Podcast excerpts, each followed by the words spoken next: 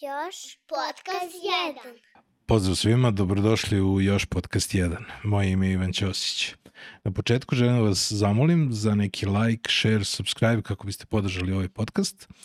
Ukoliko nas slušate, preporučite nas prijateljima. Takođe na početku želim da se standardno zahvalim našim sponsorima, to je Beans Kafa.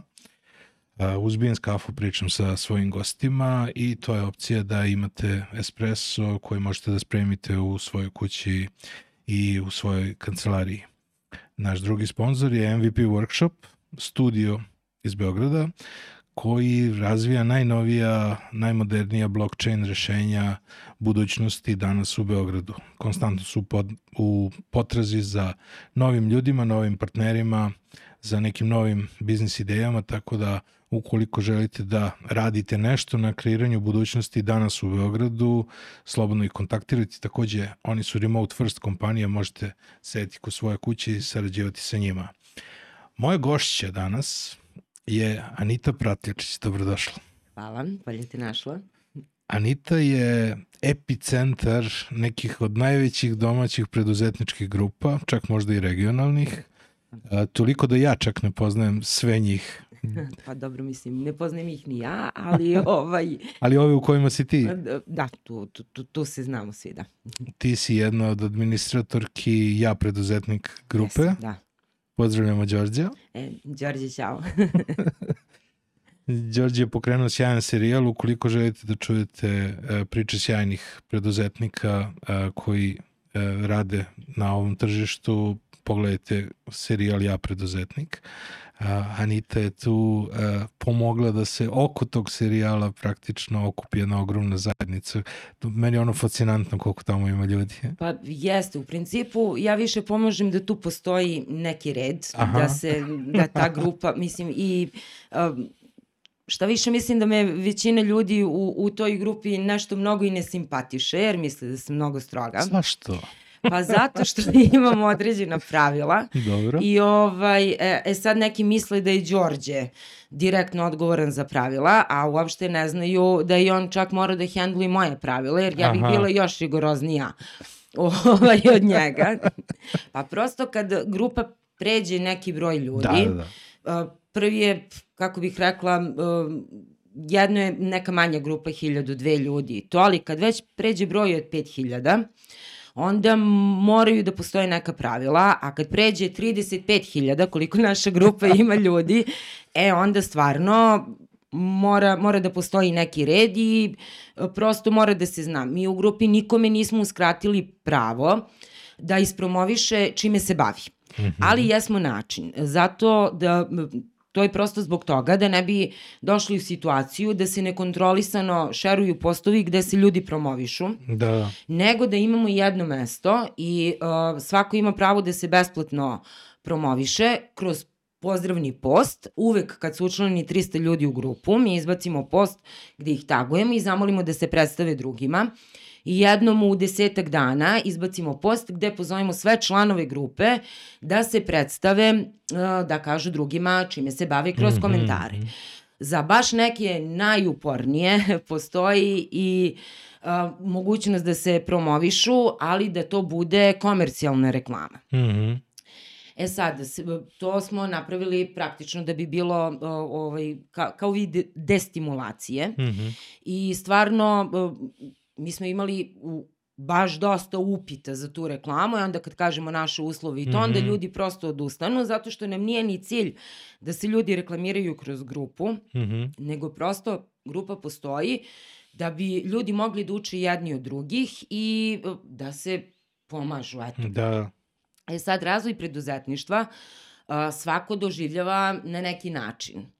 A, naročito ljudi koji su u toj grupi. A, misle da je dobar način da promovišu svoje proizvodi, usluge i sve to i to je tačno, ali uh, Đorđe i ja uh, razvoj preduzetništva doživljavamo na jedan onako sveobuhvatniji način i tu viziju prosto ljudi, naročito oni koji su tek ušli u poslovanje, koji Mhm, su mladi preduzetnici, kad kažem mladi, ne mislim godinama mladi, nego mladi u preduzetništvu, uh, neka treba vremena da sagledaju širu sliku i da shvate koliko je značajno da dobiju neke savete i odgovore na pitanja koji ih trenutno muče. Mhm. I to je u stvari način da nekome pomogneš da se bavi preduzetništvom, a nije način da dođeš da kažeš, e, znaš, on pravi to i to i to je super. Mislim, jeste i to način, ali ovo je mnogo bolji, to je ono čemu smo se mi posvetili, u stvari edukaciji. Mhm, mhm. Dobro, a, reci mi sada, to sve što ste radili u grupi, to je rezultiralo te, tome da sada organizujete konferenciju. Pa u, u principu, mislim da krenemo onako Ovaj podcast će biti emitovan 4. novembra. Da. Tako da treba to imati u A- vidu. Hvala ti što si konferencija uopšte... počinje 9. Eto. Đorđe i ja se poznajemo dugo i mi smo prvo poslovno sarađivali. Ja imam taj neverovatan talent da od poslovnih partnera napravim super drugare Aha. i pošto ne, i onda, mislim, uvek su dugoročne saradnje i onda mi radimo i družimo se i prosto je tako jednostavnije da, da osoba radi. I prvo smo sarađivali poslovno, a onda u jednom trenutku, pre skoro četiri godine, Đorđe je došao na ideju da napravi edukativni sadržaj za preduzetnike. Mhm. I onda smo popričali na tu temu šta mislimo o tome i ostalo. Mislim, kad sam čula ideju stvarno, plus tada na tržištu stvarno nije bilo, nije bilo obrađena ta tema ni na koji način. Mhm. Baš da bude posvećena preduzetnicima. Znači, ne samo start-upovima, nego baš preduzetnicima i ljudima koji se bavi zanatima i svime. Najšire. Tako da, da, tako da sam i odmah rekla Đorđe računi na mene. A, I mi smo krenuli da se bavimo time pre svega Đorđe. Apsolutno smo svi radili pro bono iz sobstvenih sredstava. Mhm. Što se kaže, Đorđe je sve to ovaj, e, finansirao i to je tako trajalo, baš je, bi, u početku je bio problem naći sagovornike i kako to koncipirati i, i sve ostalo, to je Đorđe super uradio. A, onda smo krenuli jel, da to plasiramo na mreže i polako da širimo priču.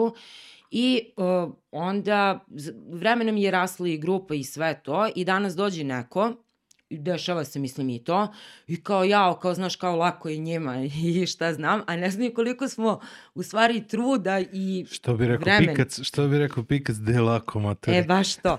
Ovaj, koliko smo truda uložili u sve to Mhm. i sad je svima onako kao neka najveća zamerka, pf, mislim kad dođe to kao vi kao tražite te plaćene reklame u grupi da biste zaradili kao čoveče. kao, mislim, tako jedna banalna, banalna stvar, a već sam objasnila da je nama tu u stvari način da destimulišemo ljude, da se grupa bavi nekim drugim stvarima. I prosto ljudi nekad i ne veruju da smo mi to skoro četiri godine radili svi pro bono i stvarno se trudili najbolje što možemo da napravimo jedan koncept. E, onda smo ovaj, ove godine napravili i klub po ugledu kako to ljudi rade u svetu i mi imamo klub u kome se prirodno plaća članarina, ali se ljudima u tom klubu nude i neki edukativni sadržaji i um, još neke stvari, recimo networking, A, tako da, jer prosto to je, recimo, Bojan kupujem prodajem lepo rekao, da samo preduzetnik može da razume drugog preduzetnika, da tu ne pomaže ni priča sa prijateljima, rođacima i ostalo, mm -hmm. nego Mhm. samo onaj koji u biznisu može da razume drugu osobu koja je u biznisu i sa kakvim dilemama i izazovima se sreće, a kad izazovi prerastu, izazove postanu i problemi. Dobro, ali i Bojan je krenuo svoj biznis, on je bio i kod mene na konferenciji, Bojan je krenuo svoj biznis iz porodice. Porodice je onaj nukleus iz A kojeg jeste, sve su krećeš. to Oni su porodične prvi- firme. Oni su, prvi, oni su prva podrška i ovaj, Jeste. moraš da kreneš od porodice, A- ali definitivno kada, od, kada odeš dalje na tom putu, ovaj, dalje mogu da te razumeju samo ostali koji Jeste. voze tim putem. Jeste, tako da baš, baš na osnovu toga, mislim i Đorđe ovako kad smo pričali, mislim i privatno i poslovno, Ovaj, onda smo došli na ideju za klub i onda je nastao klub mm -hmm. i Mhm. mi imamo i mesečne biltene za članove i razne edukacije i susrete i ostalo. E, onda se iz svega toga rodila ideja za konferenciju Mhm. koja će da bude od 9. do 11. novembra u Fruškim termama. I ideja nam je da prosto na toj konferenciji učestvuju ljudi koji su baš uspeli u biznisu u Srbiji, poslovno, a, da a, prosto budu dostupni ljudima koji su u, u biznisu, a, pa ne mogu da kažem baš da budu početnici, ali da su već neko vreme tu Da, da. i a, da dođu da čuju iskustva onih koji su uspeli, jer to danas mnogo znači. Ja kad sam recimo kretala u biznis nisam imala koga ništa ni da pitam. Ovaj, mislim kad sam krenula, kako bih rekla, u ozbiljni biznis, kad sam registrovala firmu i sve ostalo, niti, sam, niti su mi takvi ljudi bili dostupni, niti sam imala način da dođem do njih, da pitam za savet, za bilo šta. Bila je potpuno drugačija poslovna klima uh, krajem 20. i početkom 21. veka Da, od ove ali danas. S tim što imam utisak da se dešava još jedan sad drugi problem. Mislim da je ta skala prezupčila na drugu stranu. Da sada imaš sva znanja dostupna, ali da više nisu sistematizovana i da ti sada apsolutno možeš da pristupiš bilo kom znanju, bilo kojim savetima i znanjima, ali da su ti ipak važne i ljudi koji će te konkretno savetovati i reći tu ti je tvoj problem i rešava se ovako i ovako i imati nekog sa iskustvom, zato što Pa- sad imam utisak kao ono koliko nije bilo znanja, toliko sad ima znanja, ali jednostavno sad je opšte dostupno i neko ko je verovatno ko sada ulazi u preduzetništvo, on je u fazonu ko ima ovoliko znanja svuda oko mene, ja ne znam gde, da, gde, gde prvo da pogledam. Pa, dobro, to je onako i, i za specifične oblasti, znači za različite branše, a i generalno gledano to jeste a, tačno i moj savet ljudima je, mislim, a, ja ne znam zašto ljudi beže od konsultinga. A, mislim, ja sam paušalac kao Mhm. kompanija, ali ja imam svog, kako bih rekla, savjetnika, imam i knjigovodstvenu agenciju, iako mi ne treba, Mhm, imam i knjigovodstvenog savjetnika. mhm. Mislim, i plaćam konsulting zato što me interesuje. Neću da pogrešim negde i hoću da naučim neke stvari. To nije moja oblast, ali prosto hoću da znam i da budem u tokovima sa ovim stvarima. Da. A, ljudi danas mnogo beže od konsultinga. Ja ne znam zbog čega je to tako. Prosto, to je neka prva klasifikacija po meni, bar se tako pokazalo ono što sam ja primetila u nekom svom okruženju. Ne kažem Mhm. da je to slučaj kod svih, ali ono što sam primetila, da uh, ljudi koji su raspoloženi, da unajme nekog, Mhm. bez obzira što su na početku, mnogo brže napreduju i uh, imaju tendenciju da dalje razvijaju i šire poslovanje od onih koji misle da je to o, ne znam, pa sad ima raznih termina, kao što i sam znaš, Magla se- prodavanje magla, magle. magla se sama prodati neće. Jeste, Znaš kako jeste, kažeš. e. Ovaj, nego onako tako što se kaže, e, mislim, gube i, i vreme i energiju i resurse na uzaludne pokušaje Mhm. i na kraju ne, mislim, ne pođe im za rukom i e, često se takve kompanije i zatvaraju. Mhm. A opet s druge strane napravljena je jedna nova klima u društvu koja možda baš uh, uh, sad ne znam kako bih to rekla, uh, da, da svi mogu da budu preduzetnici. I tačno je da svi mogu da budu preduzetnici, ali ne mogu svi da Dobro. budu preduzetnici bez prethodne edukacije. Znači da se prosto Mhm. ljudi pre nego što odluče da, da pokrenu posao, da se edukuju a, šta to znači. Mhm. I uh, mislim da nama u stvari u Srbiji fali uh, više uh, edukativnog materijala, pa samim tim i kurseva, šta preduzetništvo samo po sebi podrazumeva. Onako, iskreno. Mhm. Znači, od početka kako osnovati firmu, pa do toga kako je voditi i kako će to da utiče u principu i na privatni život, ne znam, u prvoj godini poslovanja, u drugoj, petoj i ostalo. Mislim da nam fale takve, takve stvari. Zato su meni jako dobri podcasti, zato što a, jako mnogo možeš da čuješ o razvoju nečijeg životnog puta, kada ti neko ispriča lepo sve od početka do kraja i kakve probleme imao. Bude to malo romantizovano i sve ostalo, naročito što je duži period. Da. Ali e, nekako imam utisak da sada je ta jedinstvena mogućnost da zaviriš u nečiji život bukvalno omogućena kroz podcaste, intervjue, gde ti nisi, gde nisi imao takvu mogućnost ranije. Ranije si, ono, nadaš se da će neki, neki, neka velika faca da se pojavi negde na konferenciji i Boga piti da li će baš da ispriča sve. Ovako nekako, zato i volim podcaste, zato što nekako dva sata ja sam kod Đorđe stvarno uživao ono, na, na nebrojeno mnogo, uključujući razgovor sa tobom. Tako da... Pa hvala ti. Pa, kako bih ti rekla, mi, to što si rekao, e, taj romantizovan deo. Mislim, svima danas neka komična situacija je komična, recimo kad se desila, onda je bila potpuno tragična ili tako nešto. I što više vreme prolazi, Uh, pošto se čovek sreće sa novim problemima, ja probleme volim da nazovem pravim imenom, za mene to nije izazov, nego problem. I problem se rešava tako što može da se reši ili ne može da se reši. Ali uvek kad se sretnem jel, sa takvim izazovom, to jest problemom, stanem, razmislim i kao ono, kao kuku šta ću sad, pa ništa, kao ajde idemo, znaš ono.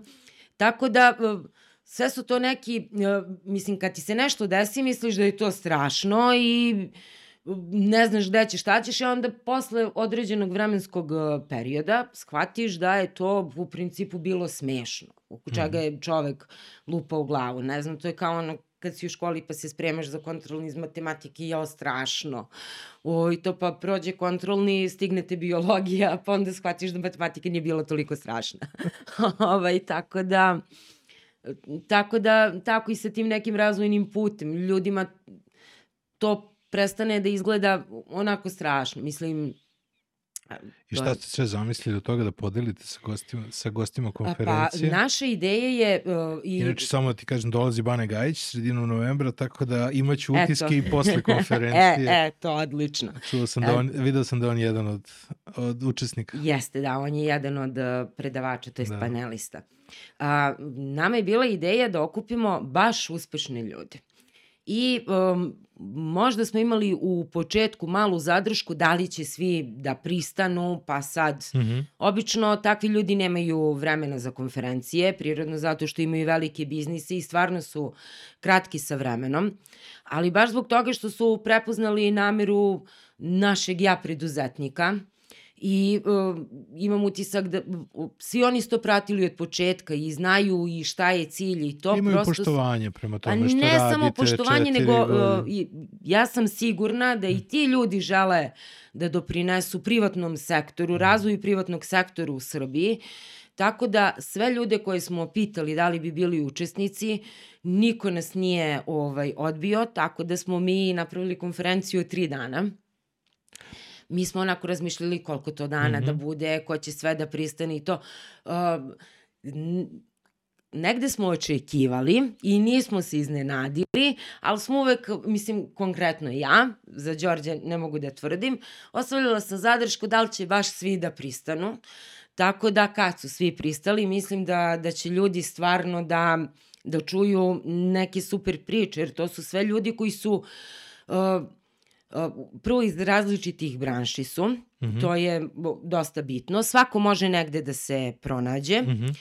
Uh, baš bukvalno svako negde može da se pronađe i svi su krenuli od početka. Nikome nije ništa palo onako, kako bih rekla, sa neba, a imaju, uh, imaju čak i mogućnost da čuju osobu, pa ja ne znam, mislim sad, ne bih da, da zvuči pogrešno i, i, ili tako nešto slično, ali gospodin Mišković je jedan od najbogatijih preduzetnika u Srbiji. Mm -hmm. Tako da mogu da čuju i njegovu priču, a i on je sve to napravio onako iz, od, od početka i kako je napravio to. Eto, mogu čak i to da čuju, e onda i uh, stvari sa kojima se on susretao uh, sa tom korporacijom, kako je uh, kako je znao kad je baš trenutak da razvija dalje. On nije bio sada na serijalu. A, ne, nije. On I nije, on, da. će, on je naš specijalni gost na Aha, konferenciji. aha, to je ekstra. Tako da... A ovi ostali predavači su, koliko sam ja Pa, shvatio, uslovno velika rečeno, skoro većina, su, da. velika većina je bila, nisu baš svi, ali... To mi je bilo sjajno. To je zapravo ono, građenje zajednice.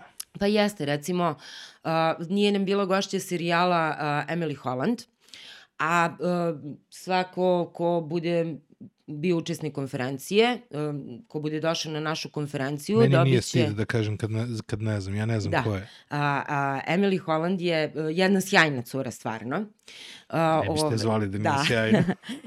A, I ona je i član naše holandsko-srpske privredne asocijacije. A, ona je holandžanka i bavi se a, management drive-om i svi koji budu došli na konferenciju Mhm. dobit će i profil na, na, na tom servisu i sjajan je predavač i od nje ljudi stvarno mogu da, da nauče puno i kako da hendluju i timove i sebe i sve kroz boje, tako da, ali neću baš mnogo da pričam o tome, ovaj, zato što ona to radi mnogo bolje od mene, pa koga interesuje, ovaj, A čekaj, reci mi, koliko će, koliko u stvari, mislim, ja razumem Mhm. koliko je važno da, da prisustuješ tamo i da i zbog networkinga i zbog svega, a, koliko je, vi imate tamo opcije i da se ovaj i da se plati online kotizacija ko želi Jeste, da gleda da, sad da. zbog iz, što je mnogo Da, važno zbog ali iz covida i zbog XY svega. razloga možda ljudi Da. neće moći da, da prisustvuju konferenciji.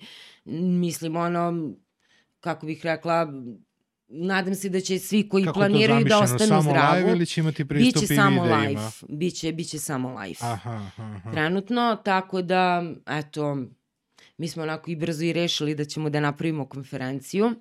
To I- zvuči. Jeste, ovaj, pa prosto imali smo kapaciteti i razloga da, da tako Pa ja nešto kad sam vidio uradimo. da Đorđe razgovara sa ovim dečkom Cicmilom, to. sa- ja sam ono, već sam na, znaš ono, ja, ja sam čovjek konferencije, onda sam, kao, a, Ali tad nije, bi nije bilo- bila ideja. Nema tad. veze. Mi Tad smo već nastao, krenuli tad je nastao susrete. kontakt. A, Mi smo, a, mi smo pre toga još a, počeli da pravimo susrete Aha, članova naše kluba. Da se ljudi prosto upoznaju i to su bili onako jednodnevni, kako bih rekla, susreti, ljudi se sretnu, popričaju, poenta je baš bila networking, da se Mhm. upoznaju, razmeni ideje, možda sklope neko poslovno partnerstvo. I to je i, mi to i potenciramo kroz, i kroz grupu, koja je besplatna potpuno, Mhm. i kroz uh, ovaj klub. Samo kažem, u klubu ljudi imaju ovaj, neke dodatke edukativnog karaktera.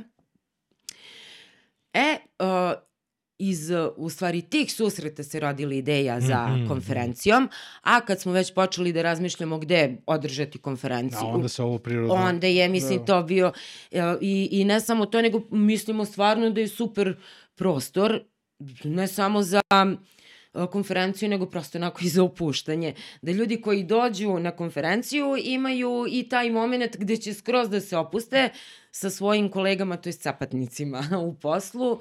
Nemojte brzo da im kažete gde je spa, zato što neće doći na predavanje. A ne, sigurno će da dođe, mislim, to sam potpuno sigurna, zato što su i teme odlične, ovaj, i predavači, i uh, ja sam zaista ubeđena da svi ti ljudi koji dolaze na konferenciju, a stvarno imamo mnogo, mnogo prijava, Mhm. ovaj, dolaze zbog toga da bi čuli te ljude, jer oni stvarno imaju šta Mhm. da kažu.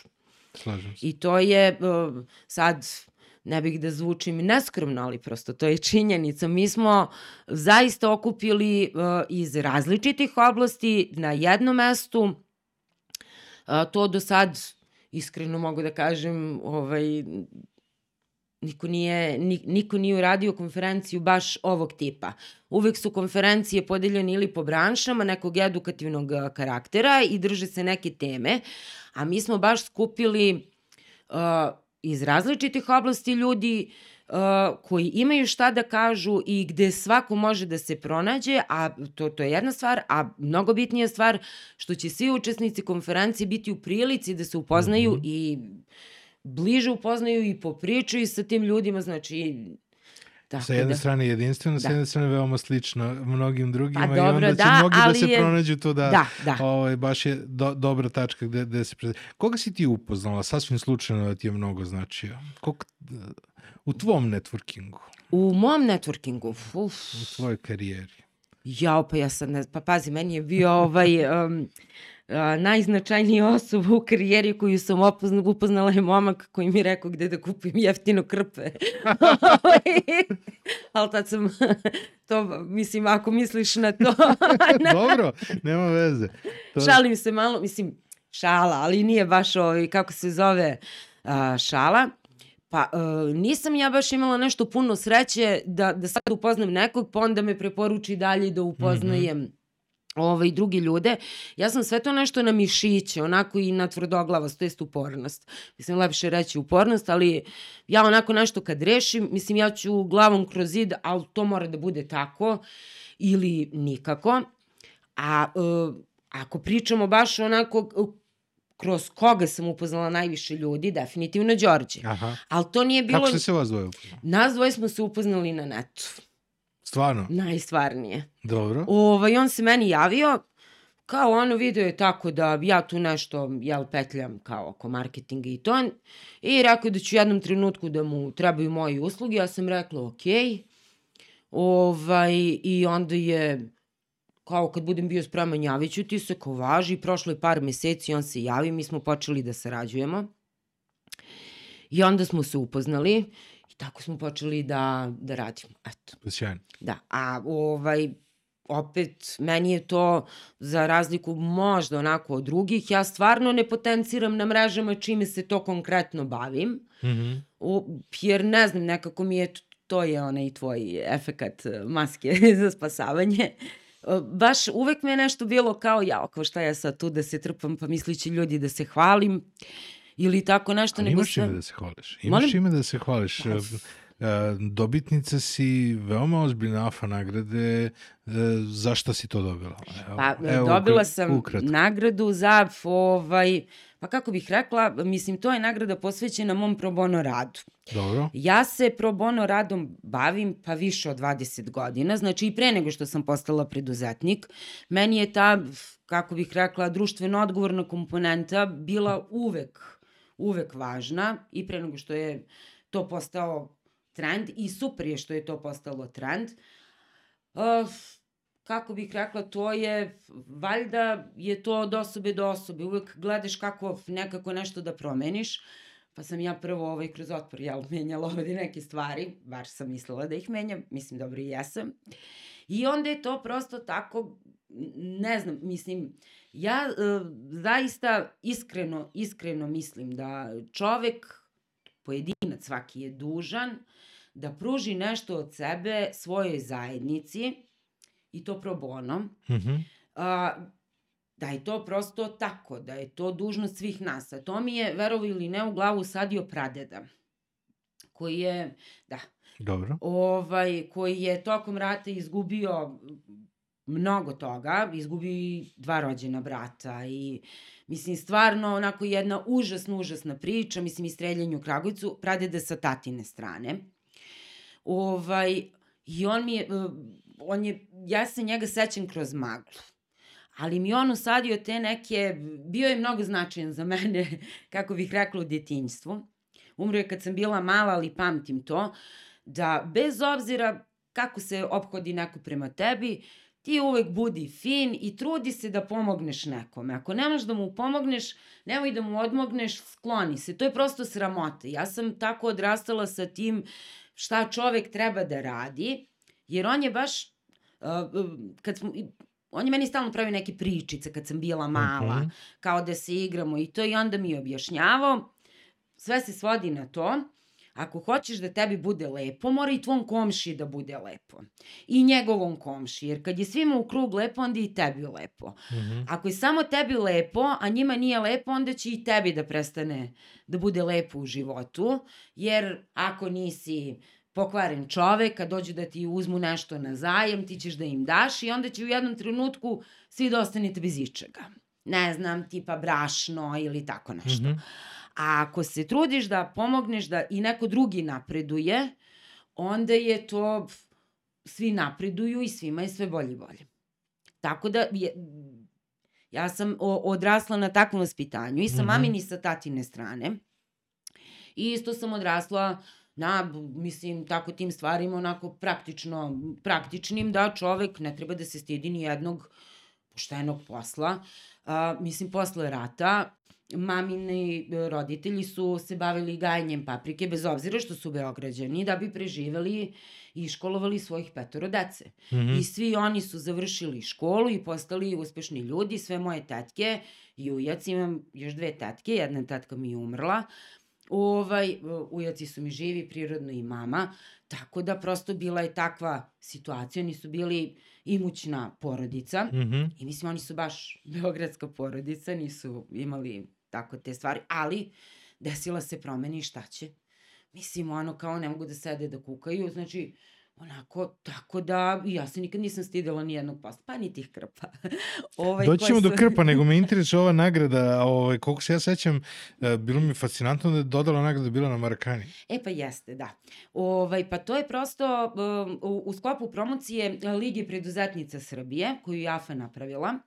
Znači tu su pozvali, pa sad... ovaj, Liga preduzetnica. Jeste, Liga preduzetnica. Dobro. Da. To mi podsjetilo na oni film Liga izuzetnih džentlmena. Pa dobro, to je, ovo je Ovaj, kontra. Tako da, e, e pa baš zbog toga što e, da razbijemo malo predrasude. Mhm. A, pošto bez obzira što su se stvari pomerile sa mrtve tačke, ipak je žensko preduzetništvo, pa ne mogu da kažem u zapičku, ali e, kad se uporedi broj firmi koje se vode na muškarce i na žene, mislim razlika je baš velika što ne znači da postoji diskriminacija u poslovanju, nego, nego prosto je, eto, i žene se obeshrabruju da uđu u preduzetništvo. Mhm. I onda su, um, AFA je rešila da napravi baš promociju na Marakani i to zato što je futbal uslovno rečeno muški sport i da prosto, eto, dođu tu žene koje imaju zauzme, nešto da da, se kažu, zauzme. jeste, da, eto, i mi smo tu. Tako da, eto, to je bilo zbog toga. Meni je bilo izuzetno drago zato što sam ja zvezdaš, Na moju veliku žalost, moje deca su partizanovci. Je bio pehar neki. na Marakani. Pa to, kako, kako izgleda nagrada? Neki pehar A, koji ste e, mogli da ne, dignete pa na dobili smo plakete, Aha, da, aha. da, dobili smo plakete, ali i na plaketi ima pehar, Aha, da. aha. Ali Marakana je svakako puna pehara. Da, da, I tako da, ni toga nije manjkalo. ekstra. Tako da, baš je, baš je bilo lepo i stvarno, e, baš hvala i ljudima iz Zvezde što su izašli u susret i na kraju krajevi i državi i privredne komori koje su sve to podržale, zato što je, i ja, i ja mislim da je bitno da se takve stvari podrže. Jeste, jeste, zato što, znaš, jednostavno ima puno, ima puno uspešnih ženskih primera, ali je daleko od toga da, da, da je to... A pri- nagrada je, kao što sam i prihvaćeno. rekla, zbog mog tog, eto, kako bih rekla, društveno odgovornog Mhm. rada. Ovaj, zaista se trudim i nikad ne odbijam, mislim uvek se usaglasim oko vremena, jeli svega, ali stvarno nikad ne odbijam pozive kad uh, treba održati neko predavanje Mhm, mhm. ili uh, pomoći neki... To su bile ženske grupe preduzetničke. Pa, uh, ovako, ja sam imala i sama jedan projekat Mhm. a, koji sam pokrenula i to je bio pilot projekat. On je sad dostupan, može svaka lokalna samuprava da da ga preuzme, da se bavi njim. Održan je u Kragujevcu uz pomoć Filozofskog fakulteta. Mhm. A, zatim tu je bilo uključeno Ministarstvo državne uprave i lokalne samuprave, Mhm. Ministarstvo za rad, socijalnu politiku i boračka pitanja, a, Centar za socijalni rad Kragujevac, Nacionalna služba za zapošljavanje, ovaj, uh, onda ko još joj propustit ću nekog, mislim sramota. Pozdrav za sve, ali Da, pozdrav za sve. nije namerno. Tako da, um, uh, IT kancelarija, Aha. a, kancelarija za borbu protiv... A šta ste radili? A, ja sam to osmislila i mislim stvarno mi je neverovatno da su me svi podržali. To je bila uh, edukacija žena Mhm. u IT segmentu i na kraju krajeva da mogu da započnu sobstveni biznis. I mi smo uh, Centar za socijalni rad u Kragujevcu i mislim U Kragujevac... IT segmentu kao kompjuterska pismenost? Da, Aha, da. aha. Ovaj, um, jako, i kako da uđu uopšte u preduzetništvo i kako da se promovišu i zbog čega je Mhm, bitno mhm. da znaju i sve to. Meni je mnogo drago, um, mi smo uspeli da skupimo, da ja ne, ne smem da zaboravim Nemoj slučajno. ovaj, kako se zove, Ivana iz Kragujevca, koji nam je ustupio i prostor. A, to centar, je, aha. Jeste. Ovaj, tako da, mislim, i on je bio tu, mm Mhm. jel, uključen. I stvarno, mi smo to onako od jedne moje ideje kako da pomognemo ženama baš iz ranjivih Mhm. kategorija koje su i socijalno ugrožene i, i nemaju ne znam, sve im je bilo crno u životu, da, da vide neko svetlo na kraju tunela. Mnogo mi je drago, od eh, 12 polaznica, njih 9 su preduzetnice. Wow. Da, i to su, to su Čekaj, tri bile firme. su pre Ne, ili su ne, započele bile posle? Su, Aha. uh, bio je uslov da uh, tom tim radionicama i tom procesu edukacije učestvuju žene uh, koje uh, koje primaju socijalnu pomoć. Aha, aha, dobro. Tako da, ovaj, e sad, um, stvarno su svi uskočili da pomognu i Mhm. stvarno sam neizmerno zahvalna. Svi smo to radili pro bono i mi smo taj projekat završili. Nakon te edukacije ovaj, imali smo, to je završeno kako je završeno, ali ja to nisam htela da prepustim slučaju. Uvek su mogle da mi se obrate za sve i ostalim ljudima koji su učestvovali na projektu.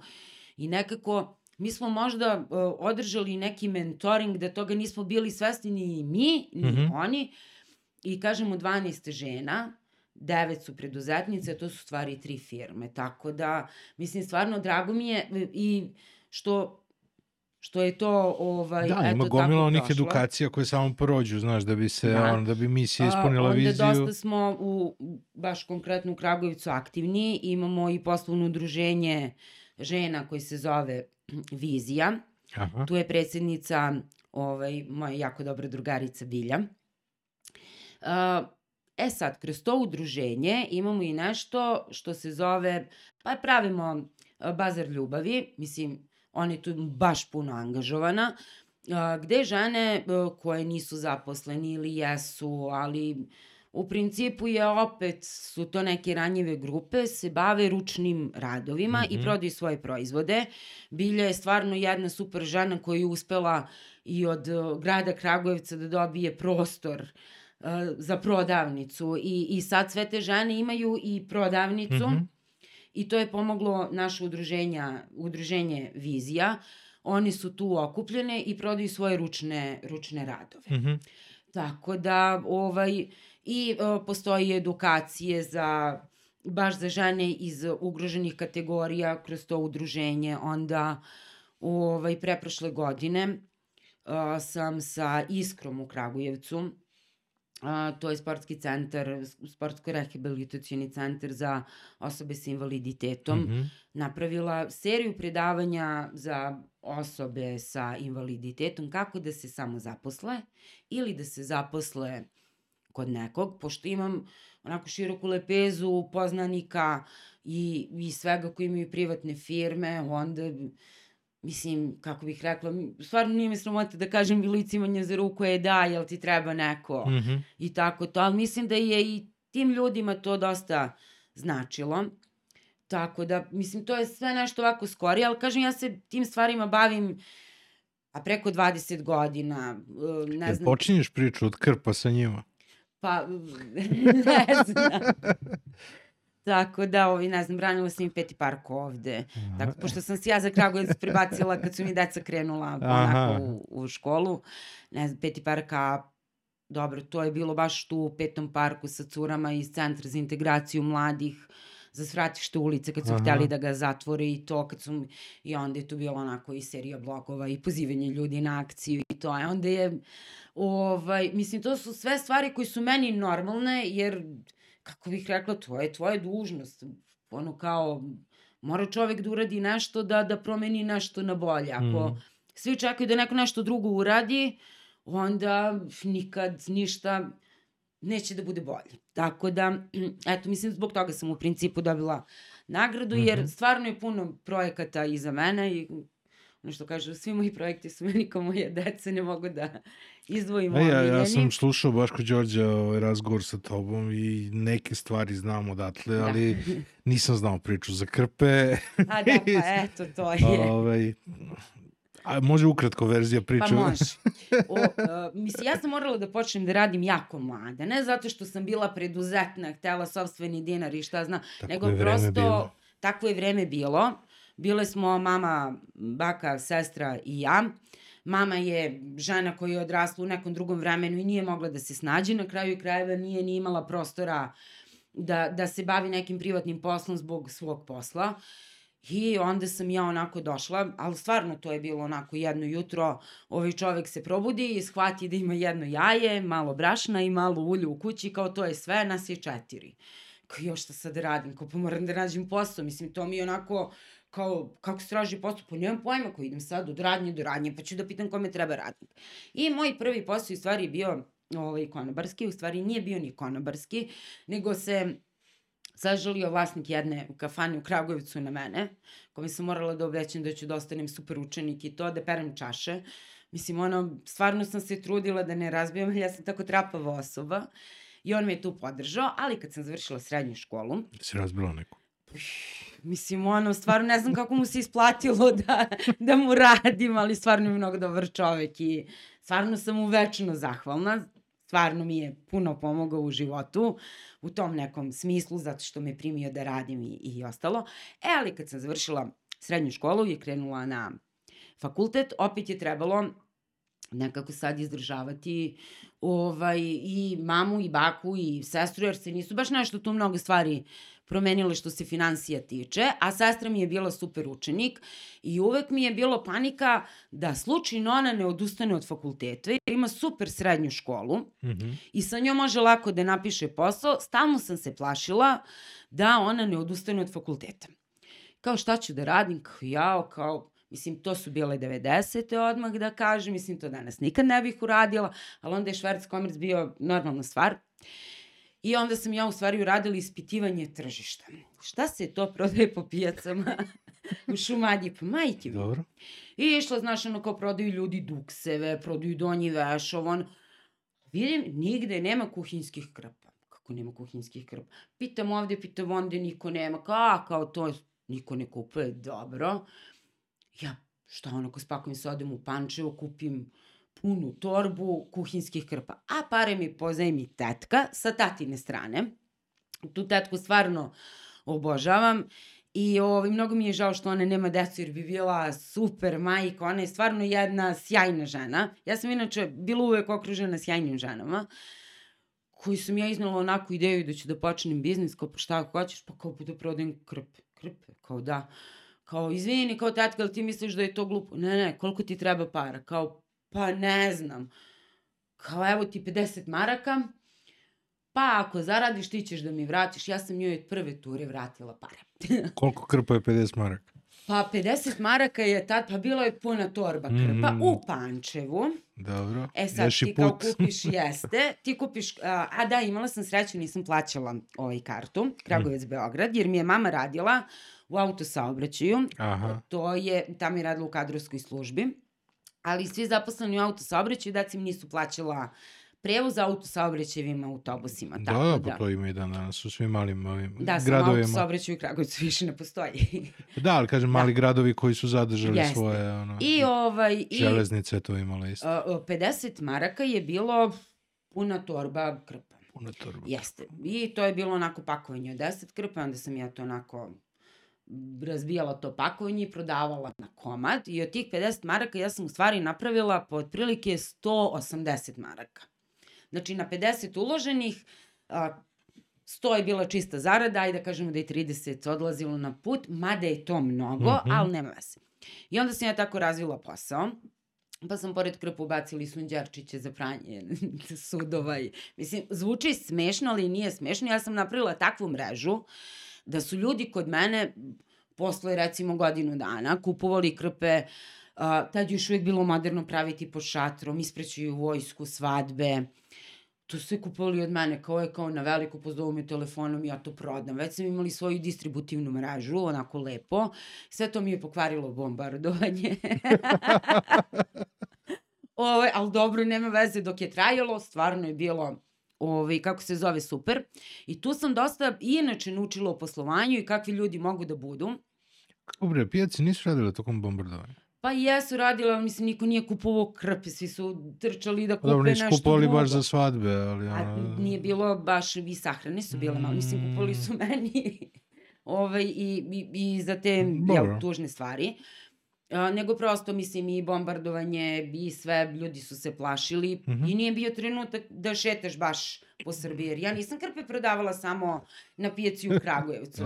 Ja sam uh, pokrila Šumadiju i Pomoravlje, išla sam, um, to su bili vašari ili pijačni dani, Mhm, i onda sam imala moj ogromni kofer na točkiće koji služio kao tezgica. mhm. I onda se plati mesto za tezgu, to su tako lepo raskrili i onda se prodaje. Tako da, e, sad, meni je to služilo i za ispitivanje tržišta. Tad Dobro. nisam znala da se to tako zove, nego da vidim ko bi to mogao da prodaje, pa onda ja njemu... A sunđeri su ti bili preteča upsela. eto. tako da je to u stvari, eto, tako, tako sam ja ušla stvarno onako u, u preduzetničke Mhm. vode, mislim, potpuno na crno, ali tad su svi tako radili, tako da... Pa i dan danas gomila ljudi radi ovaj, Pa dobro trgovinu na radi, ali... pijacama. Da, ali eto, ja sam... Mnogi su počeli od pijaca. Tako da, eto, e, to, to je priča sa krpama. A, a m, krpe iz Bugarske, kad je se to desilo? Pa do, tako u tom periodu. Dobro. To su, to su te... Promena dobavljača. Jeste, da. Ja sam to bila Koliko u ti je Pančevu skočio biznis za, Pa nije. za, promenu? Nego je baš, kažem, Ja rekla znam da si rekla ono kao kud nisam da. znala da mogu da se krpe nabave na drugom mestu da. ranije, znaš, kao to bi mi promenilo život. Pa da. To mi je bilo sjajno. Um, gde god da se ode, u, naročito u malim sredinama, sad je na, na svakom koraku kuć uh, mlekare. Pa Ti jeste, s- da. To sam isto pročitao, ovaj, da da- si počela da radiš u kuću Jeste. kad je kuć bio mala kompanija. Jeste, da. O, i, I to Kako mi je bilo bilo, to iskustvo? super. Pa, e, mislim, prvo vlasnici kuća, Si ušla tamo, hoćeš da kupiti krpe? Ne, ne mislim, o, oni su tražili neko ko bi se bavio, pa nešto što bi danas radio office manager sa, uh, ja se izvinjam, sa aspektom uh, na prevodilaštvo. Mhm. Ovaj, tako da, eto, trebao im je prevodilac koji bi se bavio usput tako raznim stvarima. I ja sam otišla kod njih, To mislim, su oni oglasi koji danas svi pljuju na Facebooku. Ne, čak kao, nije bio ni oglas, nego je uh, Kragujevac uh, nije velika Mhm, sredina, mhm. Kragujevac je veličine Zvezdare otprilike i tu se svi znamo i onda kao čuješ kad neko nekog traži. Mhm. I onda sam ja čula da oni to traže. I onda prirodno imala, imala sam drugare čija majka radila kod njih. Mislim, žena mi je bila knjigovođa jako dugo. Mhm. Ovaj, kao je kao, molim, molim te, tete Ljubičicu, mislim, onda se žena zove Ljubinka, da, da vidim ja tamo šta mogu. Kao, važi, pitaću i šta znam. I on je kao, dođi da pričaš sa njima, pa vidi, kao, neću ja da ti se mešam. I onako tamo banula, e, kao, ja mogu ovo. Jel možeš to? "Ma, Mogu. Možeš ovo? Mogu. Može. Kao, super. I tako sam ja počela da radim. I to je, kažem, nije baš office manager, ali jeste office manager, pa su, bila je firma značajno manja Mhm. nego što je danas, pa su onda neki tako mene tretirali kao sekretaricu, neki kao prevodioca, onda je jedan dan, mislim, Jezdimir došao i seo i rekao, je, moramo da sada razvijamo, ne znam, i prodaju malo više, pošto je u tom trenutku pokrivala Šumadiju Mhm. i nešto malo Beograd, tako su počeli da se probijaju ovde. To, tako da sam ja, nemam pojma ni ja kako završila tu u marketingu. ovaj, Cijela tvoja teritorija je iz biznisa sa krpama. pa jeste.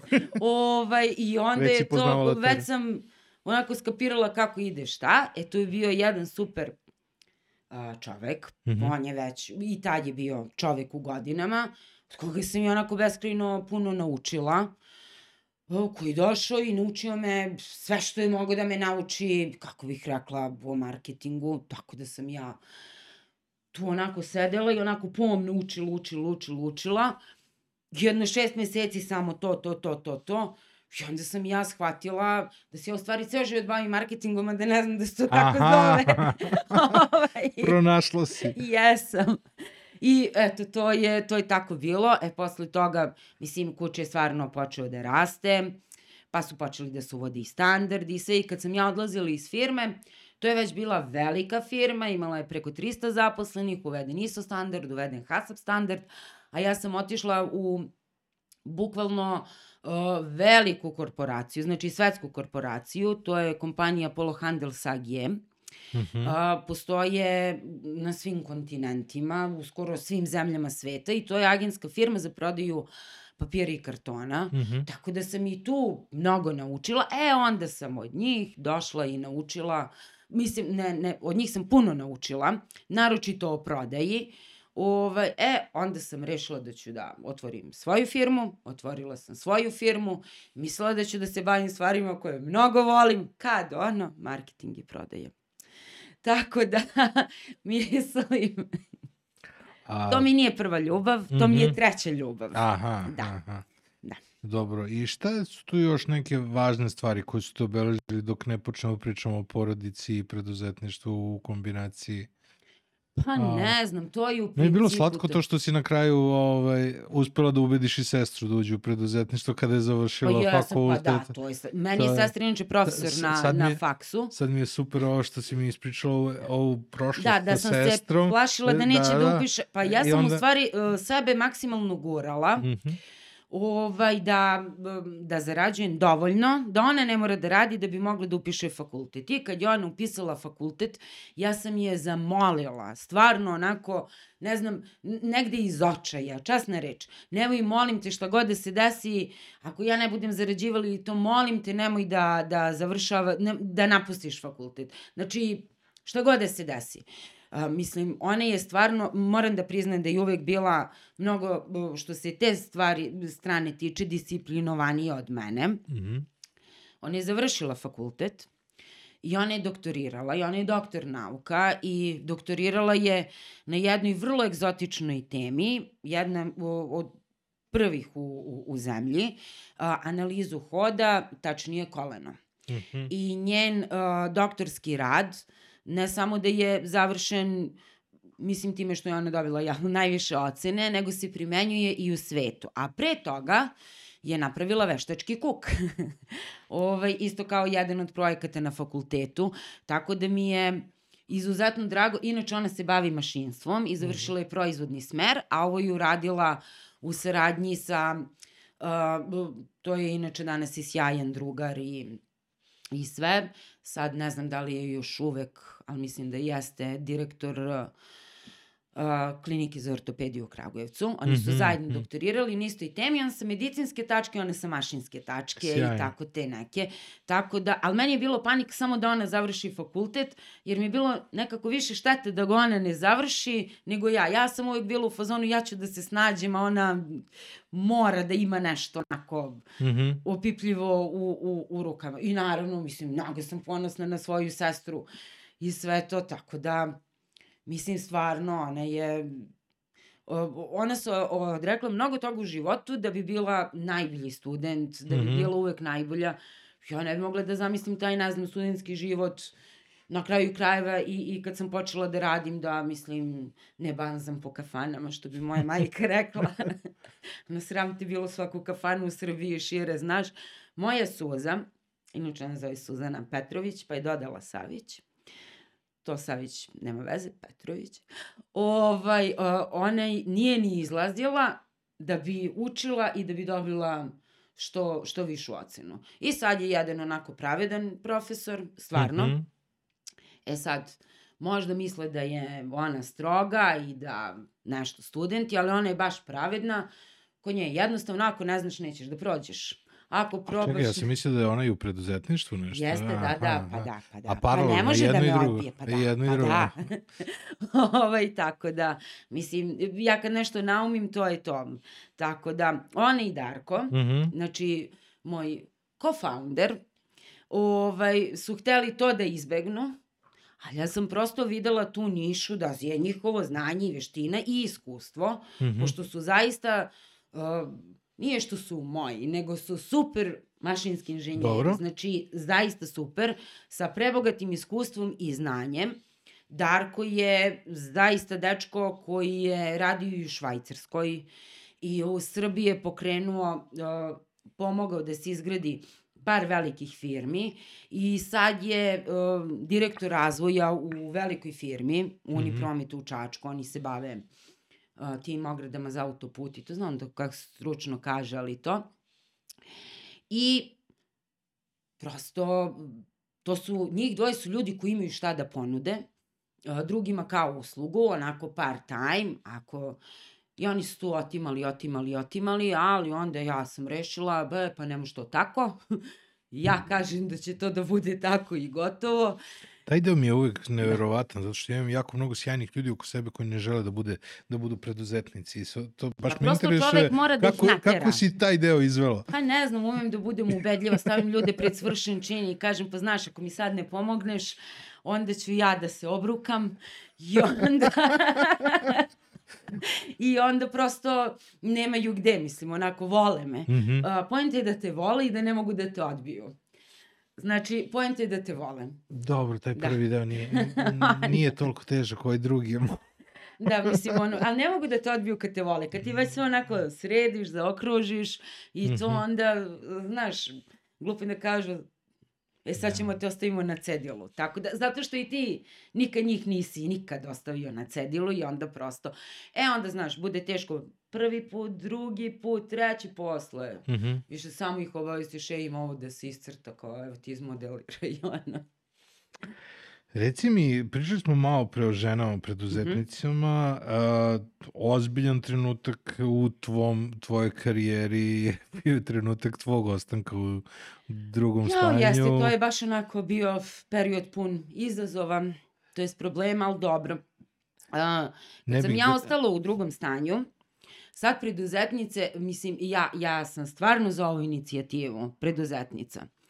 Ali, uh, kad sam ja bila preduzetnica, mi nismo imali pravo ni na porodiljsko, ni na negu deteta.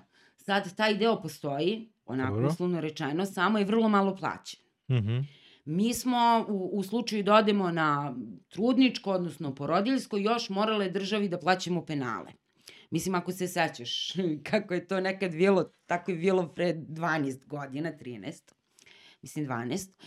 I onda e, meni prosto nije ni isplatilo, niti sam smela to sebi da, da dozvolim, mislim, ono, ganjeće me država da im dođem, znaš, ono, neke silne novce. Tako da, bez obzira što ovo može da bude još bolje, to se ipak promenilo, kako bih rekla, na bolje, jer nekad to prosto nije, nije postojala opcija da, da se baviš decom.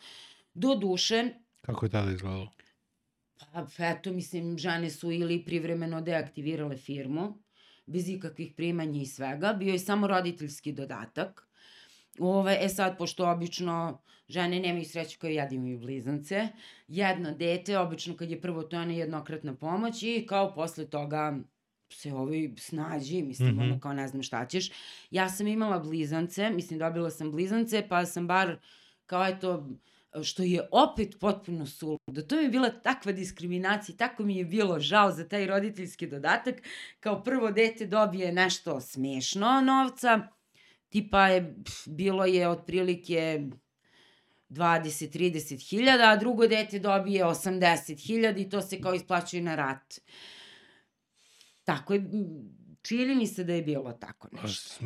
Ja sam isto roditelj blizanaca.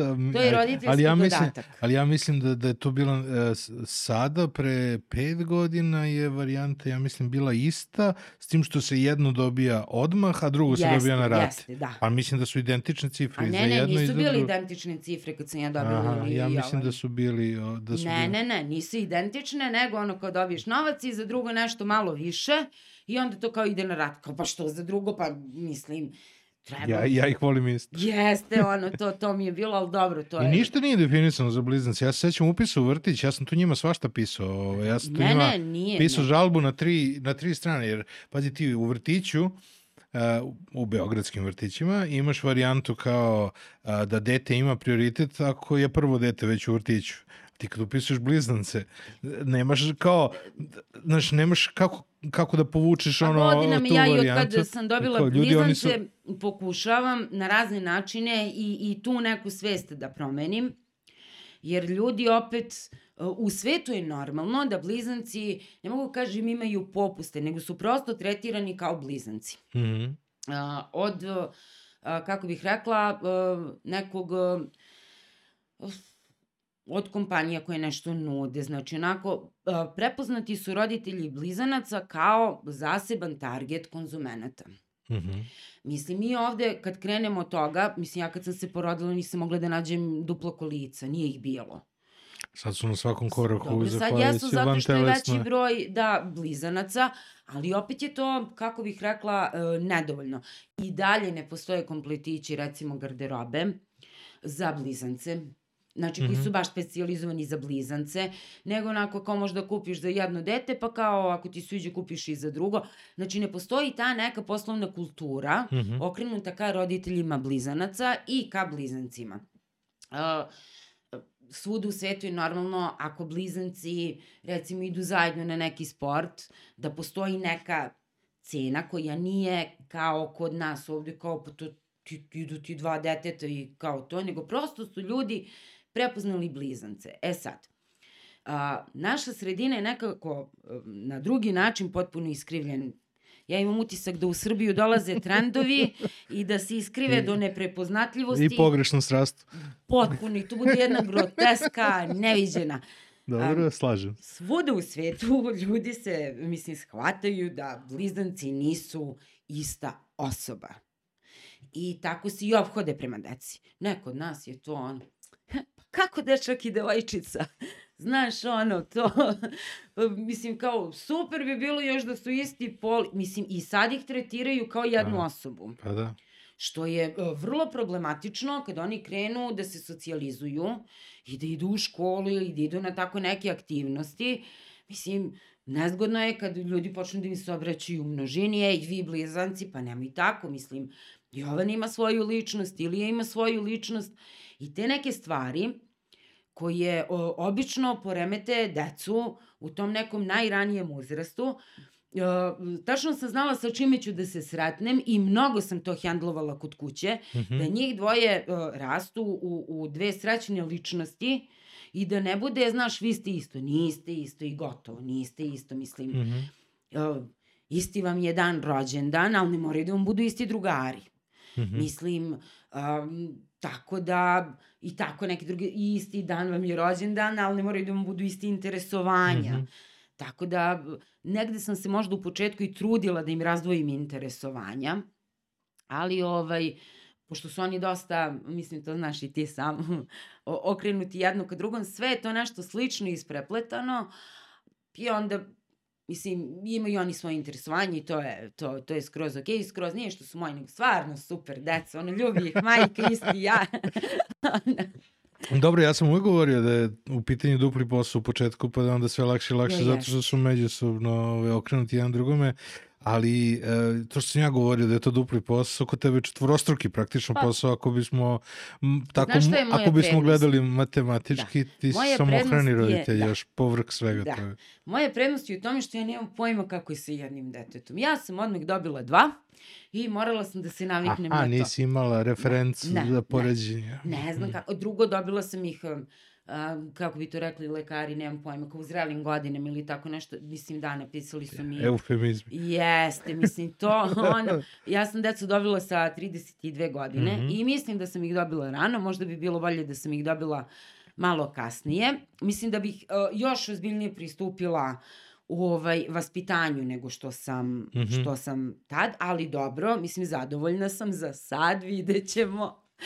Ove, I onda ti ne znaš kako je s jednim detetom i onda Mislim, sad ne možeš ti da spavaš, pustiš dete jednu noću da plače, tamo njega uspavaš, onda kreće drugo, dobro, mislim, idemo dalje, ajde, teško je.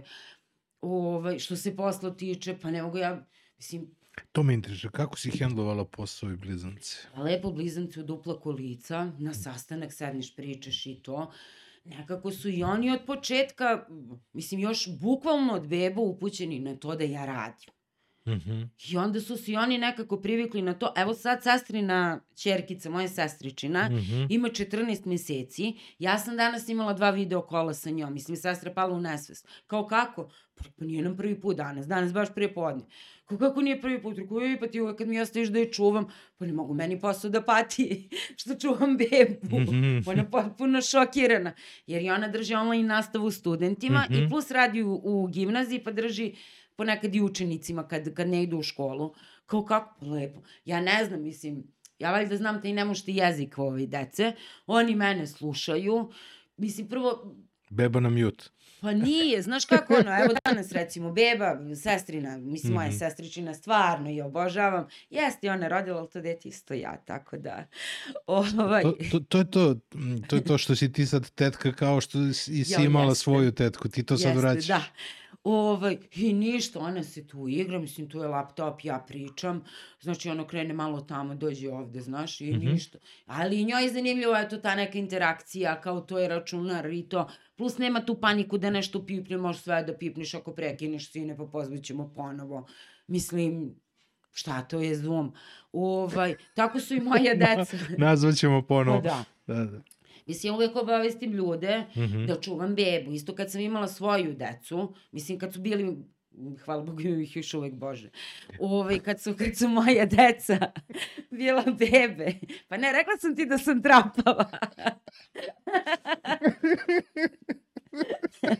ono, ne, nego je račun da oni kao su odrasli, pa ono, tako se i ponašaju. Ovaj, kad su oni bili mali, ja obavestim ljude da ja dolazim sa decom, Mhm. kad me neko kontaktira za posao i to, i onda onako budu zapanjeni, kao pa će smetaju, prvo moje deca ne mogu nikada da smetaju zato što su moje deca. Mhm. Kako tebi smetaju, ne moramo mi ni da radimo zajedno. E, i to je u stvari, uh, Ilija i Jovana su mi pomogli da ja napravim prvu segmentaciju klijenata. A To je filter. Aha, Jeste. to je prvi filter, Jeste. sjajno. Ove, Ovaj, ja toga u stvari, uh, tad nisam bila ni svesna, nego prosto ja nisam imala izbor. Ja Mhm. na decu ne mogu da vežem za banderu da odem na sastanak. Znači, mogu da dođem sa decom. pa, pa ne, pa iskreno. Jeste, realno. Ove, znači, mogu da dođem sa njima.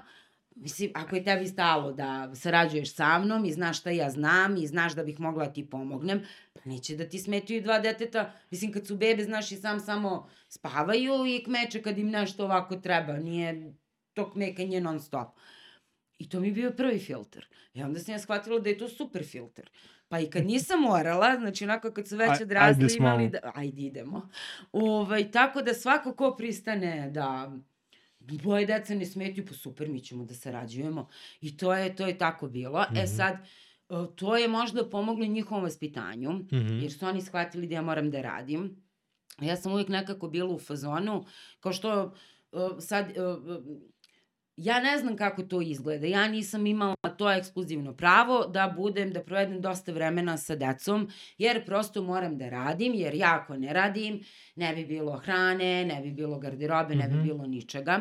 Ja verujem da je to lepo, ali uopšte ne razmišljam o tome kako li to izgleda. Uopšte neću da se uplićem u te stvari šta bi bilo kad bi bilo, jer nisam osoba koja se kaje. Mislim, prosto uradiš nešto i ideš sad, ono, gotovo.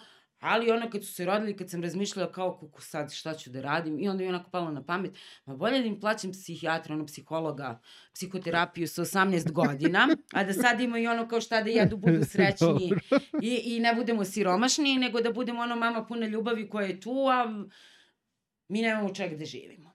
Tako da sam tu onako u startu onako isekla neke svoje ideje i onda ono kao dobro idemo dalje. I to, to, je tako krenulo sa njima. Tako da i dalje mislim da je pametnije da im plaćam psihologa kada odrastu ako im je falilo te nežnosti, a nije, stvarno nije, mislim, ne fali im ni sad, ali oni neće. Znači, grli ih dok su mali kad porastu. Neće. ono, postaneš tražiti. bankomat. Mhm. I to, ajde onako da je razumni bankomat, znaš, da će kupi neku lizalicu, nešto to, nego kupuju kojine za igrice, mislim, Mhm. tako da... Ili obožava Counter Strike, ponosna sam na njega i ja sam ga volela. A, a Jovana voli Genshin, tako da... ovaj, Eto, pa onda tu. Ajme, opiši jedan radni dan kad su bili mali, opiši mi kakav je tvoj radni dan danas. Pa kad su bili mali, u principu, ja ne znam šta je bilo dan, šta je bila noć. Znači, oni su, da. A, Ilija se do treće godine života svako jutro u 5 do 3 budio vrišteći. Svako jutro u 5 do 3. E sad, kad je bila ona promena vremena, sad bi čovjek pomislio sad ću u 5 do 2. Ne, menjao i on. Znači, isti dan, 5 do 3 vrištanje. To je on. Majke mi bila sam spremna da počnem da verujem u paranormalno ili tako nešto. I onda ovako tako, znači, uh, kad su bili baš bebe, uh, ustajem u 15 do 5 ujutru da popijem kafu, jer znam da oni ustaju oko 5 i 10, 5 i 15. I onda kreće žurka, onako presplačenje, hranjenje, mislim, znaš kako to ide, negde do 7, onda se u 7 onako malo smire, pa ih ja stavim u korpice, uh, one za, um, znaš one korpice za auto, Mhm. to, i onda ih tako malo ljuljuškam. E, e onda sam na, napravila šemu da ih ljuljuškam sa obe noge ovako, onda ja ovako sedim. Ko klavir. Da, za, za kompom radim. Onda trebamo da idemo na sastanak, tu su obožavali. Obožavali su da se vozi u kolicima.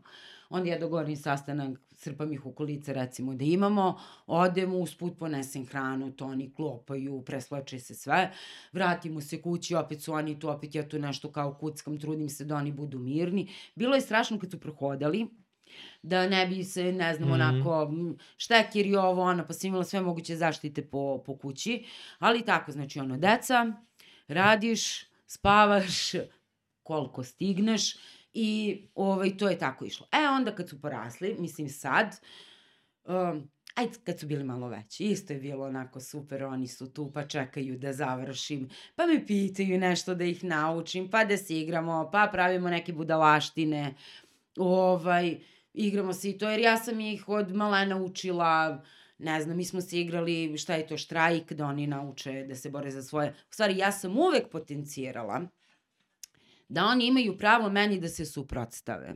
Mhm. Ako smatraju da ja nisam u pravu, da moraju to da mi kažu. Mhm. Kao, pa šta ako nećeš da slušaš?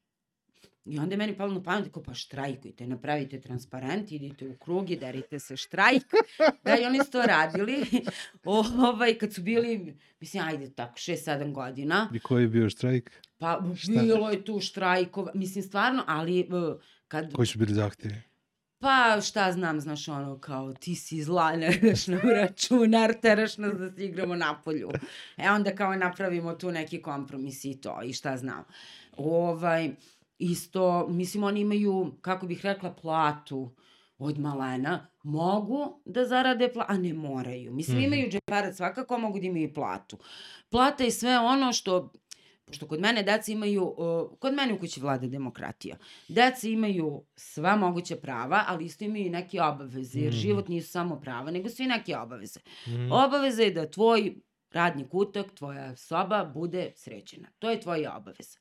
Ako hoćeš da zaradiš platu, onda pomogneš da sredi dnevna soba, opereš sudove, nešto tako, pomogneš kod kopanja cveća, pošto imamo bašticu. Mhm. I onda oni tako zarađuju novac. A, ja nikad nisam bila pristalica kazni, ja ih stvarno nikad nisam kaznila, ali da bi shvatili da se u životu svašta plaća, mislim svaka greška se u životu plaća, ja sam kupila Paragon blokče sa Mhm. priznanicama i sad u zavisnosti od gluposti koju napraviš, to košta toliko, ja znam da imaš platu, plati. Ovaj, tako da su naučili i vrednost novca. tako bilo je par puta. Ovaj, Mama kad komunalna inspekcija. Mama, kazni me, zabrani mi, molim ti, računar i TV i sve, nemoj da mi naplatiš. Pari na sunce. Ovaj, tako da, ali stvarno nikad ih, ja njih nisam kažnjavala. Pravili su baš i užasne gluposti, mislim. Mhm. ono, moja mama jadna je doživljavala nervne slomove kad su pravili hranu po njenom omiljenom tepihu, nekom persijancu koji se nikad nije oporavio i ovaj koji je čuvala. Onako baš oni gledali, ne znam, Jamie Olivera i probali da napravi ručak. Meni je bilo super. Kao jako deca kreativno probala nešto da skuvaju. Kao, znaš, ono, grom je pakao s tobom, znaš, upropastili mi persijski tepih. Kao, pa dobro, kao, mama, kupit ćeš drugi. Nema još ovo da se kupi. Pa, tako da, i ni danas ih ne kažnjavam. Šta više, podstičem ih da prave greške. Mislim da je naše školstvo onako malo užasno, Mm -hmm. da kažnjava greške, a Mhm. mislim da čovek može samo iz grešaka da nauči. Tako da kod mene nema onoj kaznit ću te dobio si lošu ocenu, nego ja stvarno jedva čekam da dobiju mučeni neku trojku, nikako da mi se ostvari to, ali dobro. Znaš, da dobiju neku lošu ocenu, kažem, e, to je super, sad znaš da si pogrešio, nauči, znaš ono, znaš, ali ovaj, i, i mislim da je to super, da čovek Mhm. samo kad greši, a mnogo je bolje da grešiš kad si manji nego kad e, odrasteš Mm -hmm. nego ta škola, to, to meni nije mi sviđalo ni ja kad sam išla u školu. Naročito, ne znam, presija kod nekih roditelja, ja to nikad nisam imala. Znaš, ono kao ne smijem kući da dođem sa četvorkom, trojkom, kao pa što? Mislim, mi smo od starta, sa svojim decom sam to rešila tako da je škola, mislim, ne postoji osoba na ovom svetu koja voli školu, naročito ne osnovno i prirodno je da je ne voliš, ali to je tvoja obaveza kao što je moja obaveza posao. Mm -hmm. S tim što ja posao volim, ali da bi mogao da radiš posao koji voliš, moraš mm -hmm. da Mhm. budeš super đak. Mislim, drugačije baš nešto i ne ide da bi mogao da se edukuješ na pravi način, upišeš dobro srednju školu ili gimnaziju, dalje fakultet, moraš da imaš dobre ocene. Mm -hmm. E sad ti ono razmisliš čime si zadovoljan u životu. Znaš, ono, sad imaš tu neke primere, mislim, ja ne bežim od toga, oni su stalno išli sa mnom i ja se bavim u, uslovno rečeno e, egzotičnim za većinu ljudi iz marketinga i prodaje e, delatnostima. Ja sarađujem baš isključivo, skoro isključivo, sa metalskim sektorom, a, građevinskim sektorom i a, drvnim sektorom. Mm -hmm. I to su velike industrije i to su velike hale u koje ti uđeš i sve to. I onda sam ja šetala i svoju decu, pa oni vide a, u kakvom okruženju recimo radi mašinski inženjer, Mm -hmm. a u kakvom okruženju radi varilac. Da, da. I, I jedan i drugi posao su pošteni i oni to znaju. Mislim, ja sam to njima objasnila. Mm -hmm. Ali poenta priče, šta bi ti više voleo da radiš? Teži posao koji se manje plaća ili lepši posao, zanimljiviji, koji uključuje računar koji se Mm -hmm. više plaća. Tako da, Videli su čitav dijapazon jeste, različitih mislim, poslova. ja sam uvijek sa njima pričala na, na ozbiljne teme prilagođene njihovom uzrastu. Mm -hmm. Znači, od djetinjstva, pa sad su već, kažem, veliki, ali dobro, mislim to. I baš mi je onako žao što odrastaju tako polako. Mislim, kako ti kažem, i ti si roditelj blizanaca, znaš to, um, prosto obožavaš svoju decu, menjaš se, ali se polako onako menja odnos. I sad ja vodim računa da ne postanem jedna onako pomahnitala majka koja im neće Ali ja, dati ja da ponekad dišu. pomislim da je prebrzo. Pa joj jeste. Jao, znaš, ono ko juče, da je Pa bilo to, da to, su to. bili mali i to ono, znaš, da sam čerkici oblačila suknjice, jao, to mi je posebno onako tužno. On uopšte ne nosi suknje više. Neće da koristi ni šnalice, peti je razred, oblači se onako džakasto. Mislim, to ono kao, prestala sam više suknjici da kupujem. Eto, mnogo, mnogo brzo odrastaju. Stvarno, ono, sin već on je onako sve za sebe kao mama nemoj da nas maraš, ali meni je drago što oni imaju, um, znaš, um, što, što me se ne plaše. Mm -hmm. Zato što čovek uh, misli, slušaju ga deca, pa misli da je autoritet, oni stvari plaše, da neće budu kažnjeni, da neće da ih udari i to. Uh, moj najveći uspeh kao roditelj je što se mene deca ne plaše i što se ja ne bojim da će oni, ne znam, da krenu nekom stramputicom. Uh, prosto postoji ogromno poverenje između nas i stvarno ništa ne krijemo. Uh, ja ih ne forsiram, oni meni kažu kad imaju neki problem, nešto, uh, ja se trudim da ne rešavam njihove probleme, nego prosto onako da ih usmerim kako sami to da, da reše, da prevaziđu.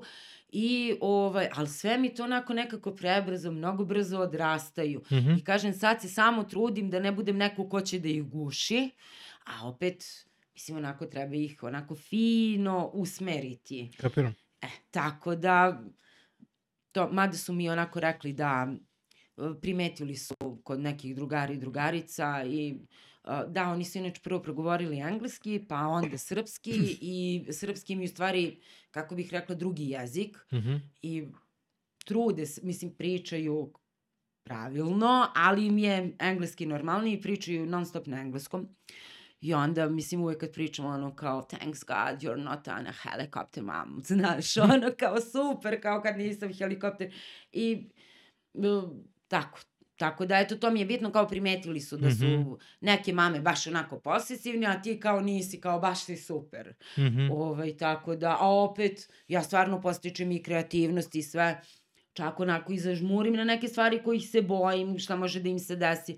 Recimo, baš letos na letovanju, mis, letovali smo na Zlatiboru zbog ove, ko, mislim, situacije i svega i, i, i ja sam se tu osjećala najsigurnije. Uh, sad oni kao hoće da voze kvadovi. Jao, kao deco, mislim, ono kao što se tih stvari tiče, trapavi ste na mene, mislim se ono kroz glavu poginuće, slomiće nešto i... ne, da pa ti Bog, šta ti majka pomisli. Jeste, ali ono kao, jel možemo?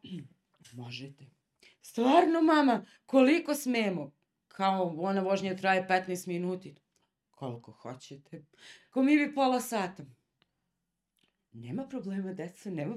I oni su ono kao super, koji jupi, pustila nas mama, onda su vozili, vozili. Znala sam da će da padnu. Mm -hmm. Popadali su, bilo mi smešno, znači ono kao, oni su pali, tamo su udarili se i oni momak što sad Ako ja nisu živi.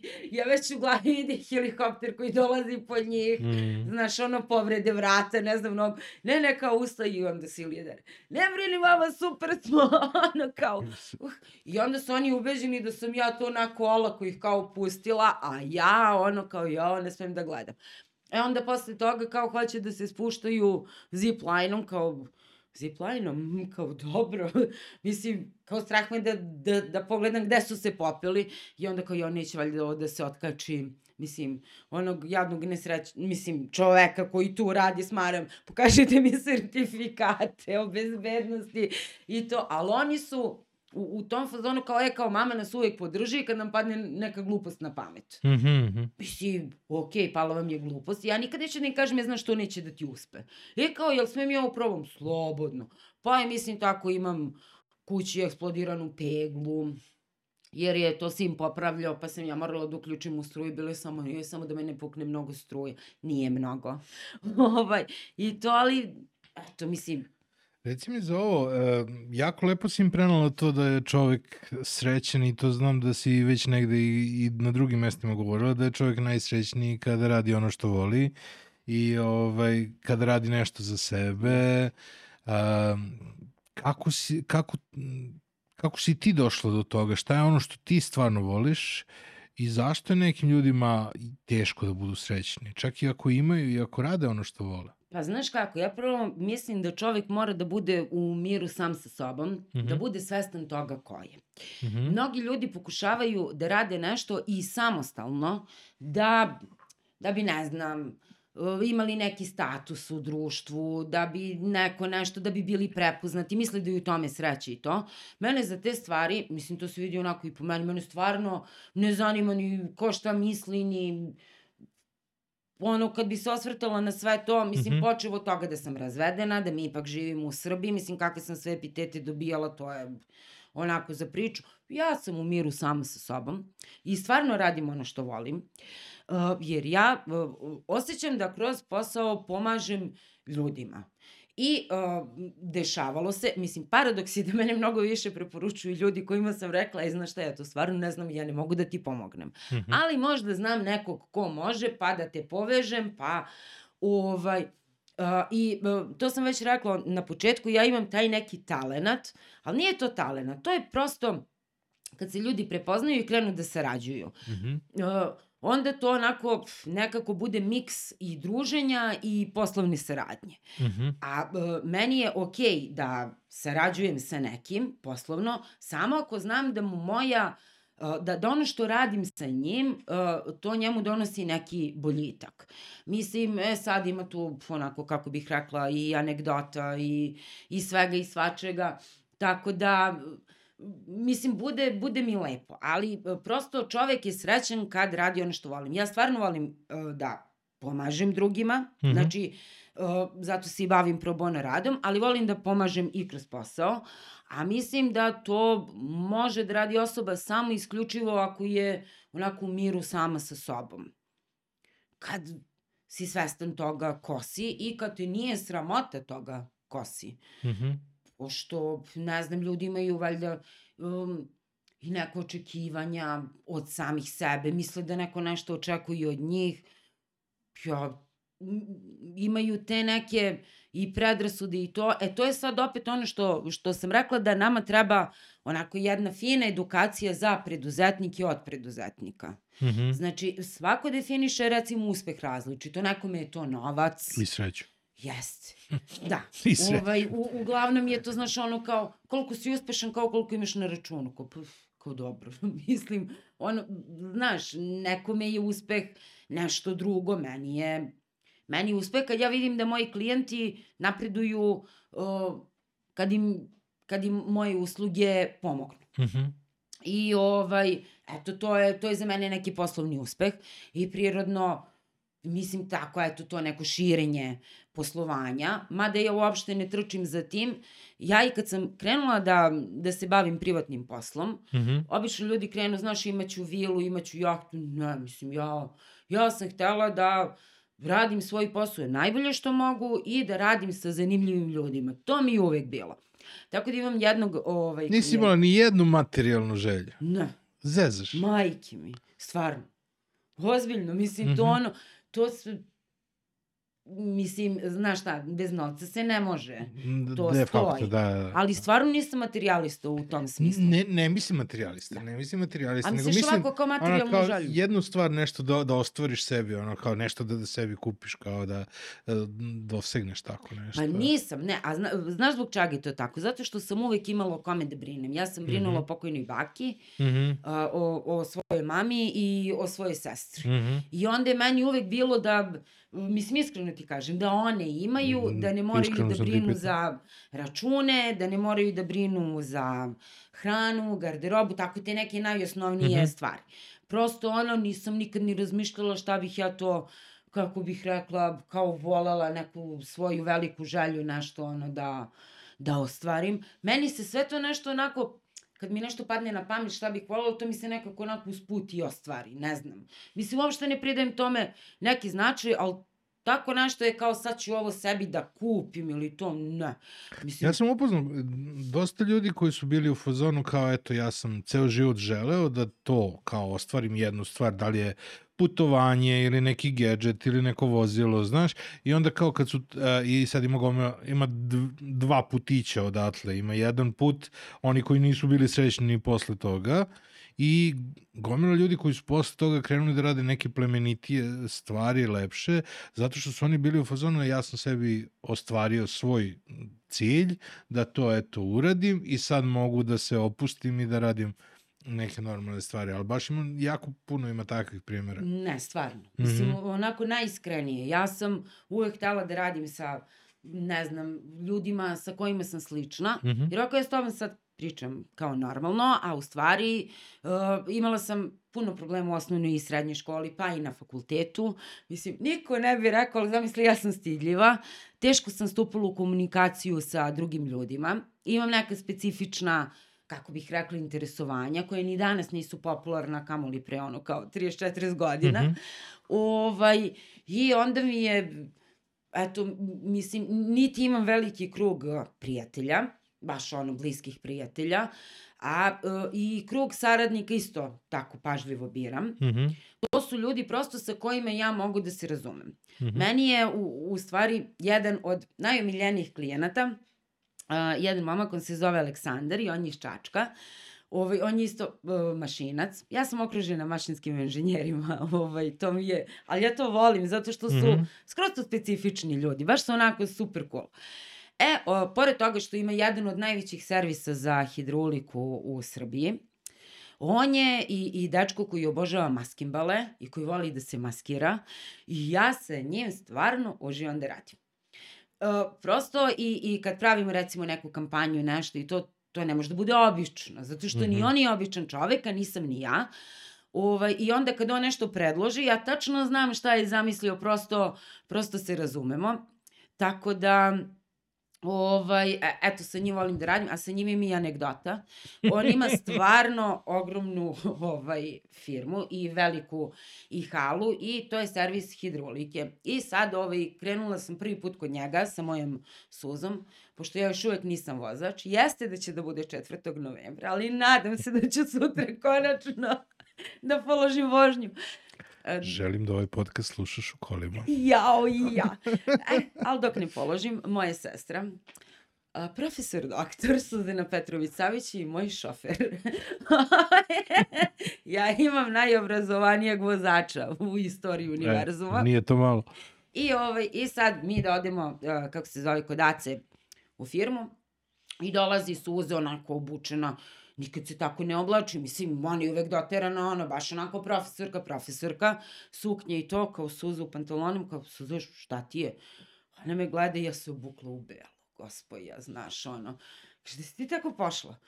Pa rekao, znaš, mislim, to je servis hidrolike, meni je Aca objasnio da je tu sve super čisto i to, znaš. Kaže, da, kaže, Anita, ali ne razumeš ti šta on čovek misli, po ti možeš da zakr...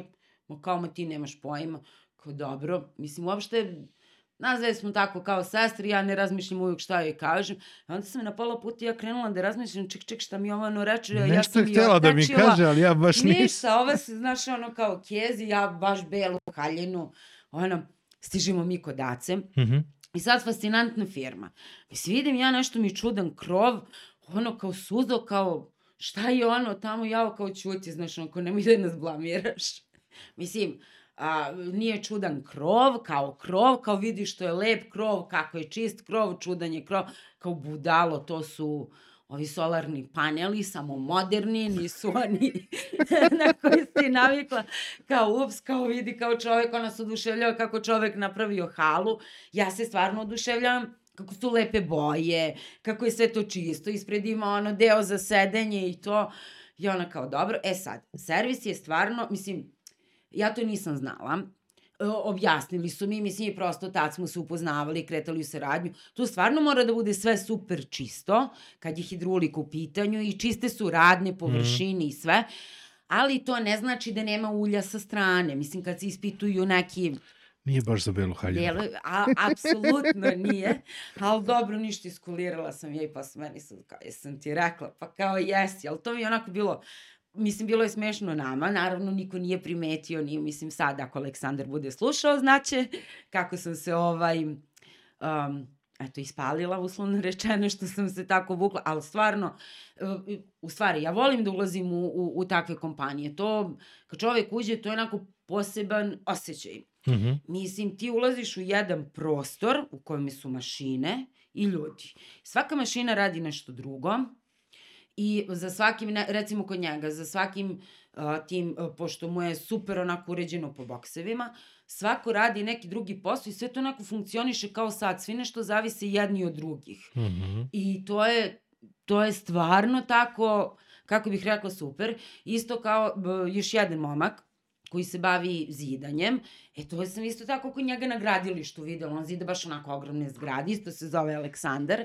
Mene hoće Aleksandrovi i, i, I i Darko. Darkovi u životu, da. Ovaj, tu se onako zavisi jedno od drugog i onda baš onako timski rad.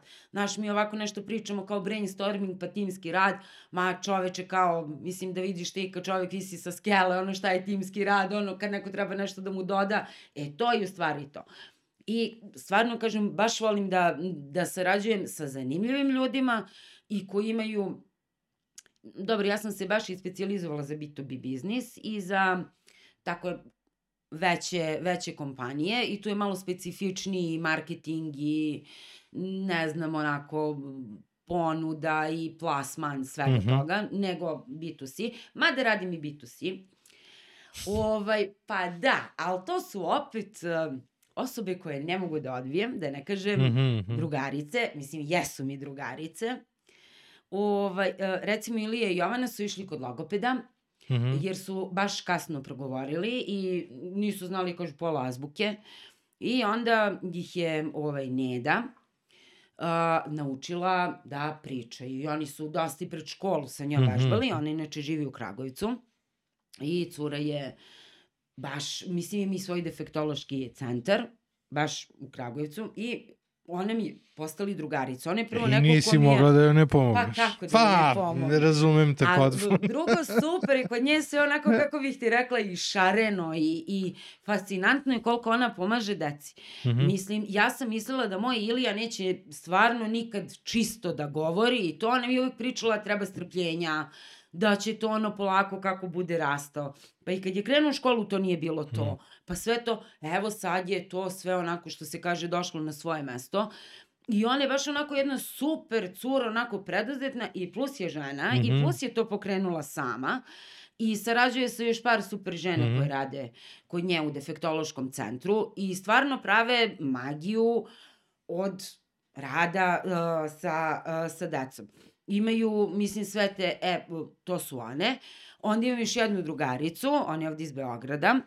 Ona se bavi programom, a ona je u stvari dovela program Relax Kids iz Engleske u Srbiju. Marija. I kako, I kako da joj ne pomogneš? Kako da joj ne pomogneš, je, mislim, ona je inovator. Mislim, stvarno Da. jeste. I uh, ona se bavi decom, Mhm. samo na jedan drugi način, da deca onako, kako bih rekla, rastu u, u, u srećni ljudi, ima super programe sa Mhm. njima, kako da hendluju neke stvari, kako sve to, i kako ti njima da, da ne pomogneš, ali osim njih dve, čekaj samo da, da mi nije neko promako, Pa dobro, imam par drugara koji drže kafane, ali njima kažem, e, znaš, E, uradi ali to, to doš, i to. hoću da pitam za kafane, znači a, ti isto si potvrdila tezu da se go, svi poslovi završavaju Jao, u kafani. jest, jest, stvarno Kako je jest, to iz ugla nekoga ko ne pije alkohol? Pa, znaš kako, ja ne znam kako izgleda to kad se pije, pa mi je sve jedno, znaš. Ne, stvarno, ovaj, pazi, mogu ja da popijem alkohol, ali znaš ono kad ti nešto ne prija. Mislim, to je meni, verovatno... Meni gorko. Pa, ovaj, to je ko ja nekog da teram, recimo, pije sok od kruške ili šargarepe, mislim, ja to volim. ovaj, prosto, eto, to ne volim. Ali meni nikad nije smetao, nikad mi nisu trebale, uslovno rečeno, psihoaktivne substance da meni bude super. Mhm. Ja se sećam, oni još i kao dok smo bili klinci, pa krenemo u grad, pa sad neko da bi bio, da bi mu bio super provod, mora da se ono kao baš napije, neko nešto drugo, nije ni bitno. Meni nikad ništa nije trebalo, meni je bilo super samo da je muzika i da je veselo, ono kao idemo. ovaj, tako da, ali kažem, opet je to možda od osobe do osobe, a volim da idem, mislim, Mhm. po kafanama, stvarno volim. I mnogo mi je prošle godine sve teško palo, mislim, ono zatvaranje. To stvarno mi je nedostajalo. Jer nekako je poseban ambijent. Eto, mislim, ljudi da, su i meni bilo to, to je uvijek bila ta teza da se najveći broj poslova u Srbiji završava u kafani Jeste. i onda je bila, ovaj, onda je počelo tek da se priča o networkingu i o svemu tome i onda je izašla uh, knjiga koja se ispostavila da je najbolja za networking koja se zvala Nikad nemoj da jedeš sam. Never eat alone. I onda kao, ako ideš negde na, na ručak, nađi nekoga, provedi to vreme kvalitetno sa nekim i dogovorit ćeš nešto. Da. Pa ne, mislim, ako ti kao odeš sad u neku firmu, nešto vidiš, kao vi tu, ili neko dođe kod tebe, i onda vi tu kao nešto pričate i to, i to je sve onako lepo sa jedne strane, lepo sa druge, i znaš da je posao ovaj, rešen kad Se zaključi u kafani. Pa jeste kao, evo ćemo da odemo nešto popijemo, i to, ajde, gde je piće tu i onako i jelo i onda je tu, jer e, nemam pojma, mi smo možda i takav, ne znam, mentalni sklop ljudi ovde, prosto to je opuštenija atmosfera, mislim ima to svoje zašto je to tako, opuštenija atmosfera i tu ljudi prosto mogu da procene mnogo lepše nego ovako kad sede u kancelariji sve je zvanično i onako donekli čak i sterilno. Ali onako kad sedneš sa nekim u kafanu, i ako možeš sa njim tu da budeš opušten, pa se onda dotaknete i nekih drugih tema, prosto o, vidite da li ste vi partneri jedno za drugo, mislim Mhm. poslovni partneri. I o, stvarno, ja prihvatam novotarije, što se kaže, iz Evrope i sa zapada, ali ne bih volela da se ikad odreknemo tog... Da, i nekako dogovor u kafani je ima nekako drugačiju, to, to je potpuno druga, druga dimenzija. Jeste. Uopšte nema, nema težinu onako obligatornu kao ugovor, ali ima neku, znaš, ono, Pa- fair play. Ovaj... Da. Mm, Da. Ima neki koji ti promenio život, dogovor iz kafane. Dogovor iz kafane koji mi promenio život, pa Sa Đorđem, pa pobogu, mi smo seli, Ja! pa da, i pričali o ja preduzetniku, mislim u kafani, tako da i to kod mog druga, baš u Kragujevcu u, u, u kafani. Ovaj, tako tu i on tu krenuo tako neku temu i kao to je bilo, kao razmišljam, kao razmisli još više, pa ne znam kako, pa evo mislim, jel mogu i ja tu nešto da doprinesem i to je tako krenulo. Tako da eto, to mi je, ali to mi stvarno jeste onako promenilo život na bolje. E sad ovaj, kažem ja se bavim specifičnim stvarima, uh, specifičnim uh, vrstom poslovanja i stvarno sam isključivo B2B i stvarno u eto tim, ajde da kažem, egzotičnim branšama, to redko ko radi, a redko se i u tim samim kompanijama, mislim, ljudi sa kojima ja sarađujem, dosta, prošlo je dosta vremena, recimo ovaj Aleksandar iz Čačka, a, a, servis koji se zove MHS, ovaj, pokrenuo još njegov tata i to je firma koja ove godine puni 40 godina. Wow. Jeste. A, I on je to nasledio, on je druga generacija i uh, on je završio mašinski uh, fakultet ovde u Beogradu, Aleksandar, i uh, dečko gleda kako na sve moguće načine to još više da unapredi. Oni su Mhm. jedan od najvećih servisa kod nas, imaju i puno posla, on planira da napravi i proizvodnju.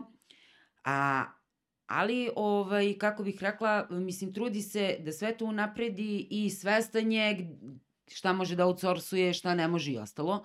A mnogi ljudi, recimo baš iz njegove ili slične branše, nisu toga svesni i misle da mogu sve sami, Mhm. pa se, o, ovaj, postoji primjeri gde su velike firme tog tipa propale. Mhm. Zato što vlasnici nisu bili spremni da delegiraju obaveze, nego prosto to je, to je tako kako je, nisu bili spremni na neke promene i ostalo. Tako da uh, i, i tu ima dosta, kako bih rekla, posla, uh, prosto ovo je sad savjet za ljude iz, uslovno rečeno, naše branše. Da, i... Tu ima puno posla, Mhm. Samo treba neko tim ljudima da, da objasni zbog čega im, prosto da se edukuju, zašto im nešto treba. Naročito u metalskoj, metalskoj industriji. Aha, a ja, ja gledam i ovo generacijski, znači i ovo što Đorđe radi sada i on to je radio i moj prijatelj Dragan Močević u Bosni, Da. pa je delimično bilo istraživanje i ovde oko porodičnih firmi i svega toga. Sada zapravo ja mislim da će biti veoma veliki broj firmi koji će sada prelaziti sa prve na drugu generaciju, jer To da. tokom ono, u Titovo vreme jako malo bilo privatnih kompanija, a, tako da je tek sad zapravo će početi pravi neki prelasci, one firme koje su nastale 90-ih će sad polako krenuti da prelaze ovaj, na drugu generaciju. Um, rekla si da, da, da nisi uh, da nisi tip koji juri za novcem i slično, ali kada bi imala dovoljno novca Mhm. da ne moraš da radiš, šta bi radila? Radila bih. E, to me interesuje. Mislim. Ono, a, a, Kako kad bi izgledao tvoj dan novca, kad, kada Kad- bi imala dovoljno novca da ne moraš da radiš? pomagala bih drugima da započnu svoj posao. Da, to bi bila moja onako životna misija. Kad bih imala toliko novca da apsolutno ne moram ništa da radim, Mhm, ja bih ulagala u tuđe poslove. mhm. I opet bih radila. Eto. Mislim, Mislim da je ovo super i da, da uh, definitivno hoću ponovo da dođeš. Ja sam zamislio tako da ne bude odjedan da se sve ispriča. A, ovaj, mislim da, da, da je ovo super onako za ovaj, to kad budem imala Da mnogo novca, zaokružimo. kad budem pomagala drugima Kad šalim. budeš imala puno novca, onda pravimo podcast samo sa tobom. Svaka, onaka, dnevna doza Anite. ja to. E, ali ja stvarno nisam Ima- u tom fazonu. Tom, I ono, mnogi su mi recimo predlagali da kao nešto, pošto jel imam kao nekog iskustva, mislim, ajde realno, ovaj, u, u tim nekim Mhm. stvarima koji bi drugima pomogli, ali ja stvarno, nije da nisam dobar predavač, nego prosto pff, nisam, nisam neko ko bi to radio. Ja više volim to onako na delu i više volim kad mi se neko javi. Ja i Mhm. sad imam par firmi sa kojima ne sarađujem, ne sarađujem, ali uvek mogu da mislim i za nešto da me pitaju.